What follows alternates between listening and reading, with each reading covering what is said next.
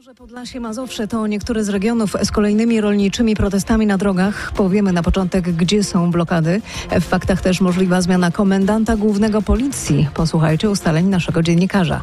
A przed doniesieniami sportowymi odnotujemy historyczne wydarzenie w Toruniu.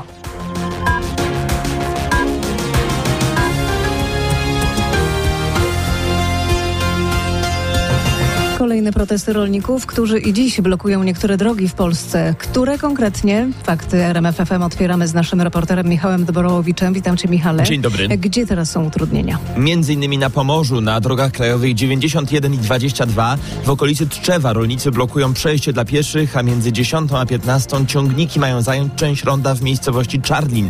Utrudnienia są też na wspomnianym Podlasiu, na drodze ekspresowej S61 na wysokości węzła Budzisko. Rolnicy właśnie z tego regionu którzy w tym tygodniu protestowali także w Warszawie, podkreślają, że przez duży import towarów z Ukrainy ich sytuacja jest bardzo trudna. Ceny zboża spadły całkowicie, ceny mleka spadły. Jak rolnik ma dalej gospodarzyć? Zboże w ogóle w tym roku nie sprzedawaliśmy jeszcze, no bo to jest w ogóle nieopłacalne. Przecież to jest porażka, porażka. Rolnicy cały czas blokują też drogi dojazdowe do polsko-ukraińskich przejść granicznych w Dorochusku, w Chrebennem i w Korczowej i tam także dzisiaj mogą dołączyć do nich przewoźnicy ze wschodniej Polski. Polski. W przyszłym tygodniu ma być zmiana na stanowisku komendanta głównego policji. Według ustaleń dziennikarzy RMFFM głównym kandydatem do objęcia funkcji szefa policji jest były szef komendy stołecznej, a teraz dyrektor Biura Bezpieczeństwa w stołecznym ratuszu Michał Domaracki. Więcej o tym Krzysztof Zasada. Nazwisko Domarackiego pojawia się od początku poszukiwań szefa policji, natomiast ten były komendant stołeczny ma zarzuty w śledztwie dotyczącym nakłaniania prokurator Ewy Wrzosek do ujawnienia informacji z postępowania.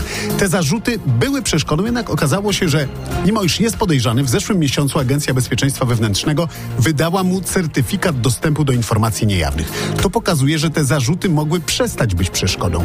Wiadomo też, że kierownictwo MSWiA nie za bardzo chce powierzać obowiązki komendanta głównego policji na kolejne trzy miesiące Markowi Boroniowi, bo to źle świadczy o stabilności tej służby.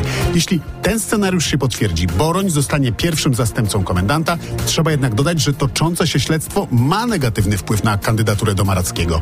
Wciąż ma zakaz opuszczania kraju, a także musi zgłaszać każdy wyjazd z miejsca zamieszkania powyżej 14 dni. Kampania ma swoją dynamikę, mówi gość Krzysztofa Ziemca w RMFFM, poseł PiS Radosław Fogiel, pytany o wybory samorządowe. W południe w Szeligach pod Warszawą ruszy konwencja samorządowa Prawa i Sprawiedliwości. W programie m.in. wystąpienie Jarosława Kaczyńskiego. Tak patrzę na e, zegarek, bo na przykład dosłownie za 20 minut e, moi koledzy w, w Radomiu będą rejestrować e, naszego kandydata na prezydenta Radomia, byłego wojewodę Artura Standowicza. No bo po prostu od momentu ogłoszenia kandydata zebranie tych podpisów to tak wygląda, więc ta kampania rzeczywiście można uważać, że się trochę niespiesznie rozkręca. Mówił gość Krzysztofa Ziemca, Radosław Fogiel. Cała rozmowa jest na rmf24.pl. W Kujawsko-Pomorskiem historyczne wydarzenie. Pociąg pasażerski znów ma odjechać z dworca Toruń Północny. Od lat budynek niszczeje, a dbają o niego głównie pasjonaci kolei, historii, lokalne stowarzyszenia. Społecznicy, którzy już tydzień temu przed wydarzeniem posprzątali bardzo zaniedbany teren, chcą adaptacji budynku dworca na cele społeczne. Dzisiejszy przejazd specjalnym składem jest możliwy dzięki Kujawsko-Pomorskiemu Stowarzyszeniu Rozwoju Transportu Publicznego. Dochód ze sprzedaży biletów zostanie częściowo przeznaczony na rzecz hospicjum Światło. Pociąg z dworca Toruń Główny odjedzie o 9.37. 7 minut wcześniej w RMF FM zaprezentujemy nowe fakty. Pierwszego dnia zmagań na skoczni w Lachti najlepszym z Polaków okazał się Aleksander Zniszczą, który był ósmym. Konkurs wygrał Lauro Kos. Poza trzydziestką Żyła, Stoch, Wąsek i Kot, a także lider Pucharu Świata Stefan Kraft. Dziś w Finlandii konkurs drużynowy. Polacy będą startować w składzie Żyła, Kot, Stoch i Zniszczą, dla którego będzie to pierwszy konkurs drużynowy, no, w którym będzie skakał jako ostatni. Nie, nie było takiego.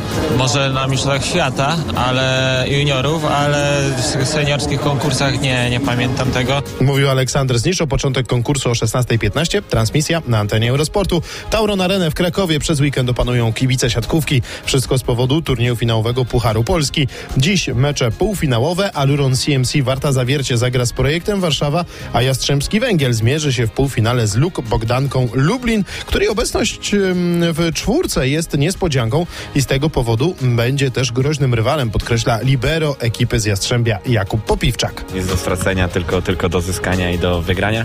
No ale z drugiej strony na koniec, jak się wychodzi na boisko, to decyduje jakość siatkarska.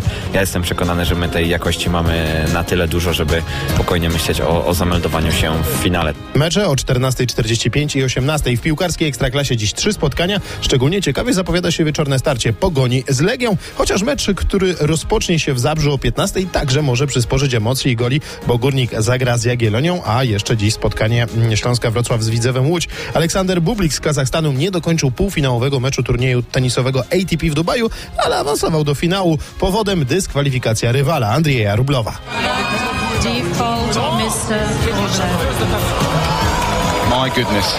Rosjanin nie zgadzał się z decyzją sędziego liniowego, no i przedstawił to arbitrowi bardzo dosadnie.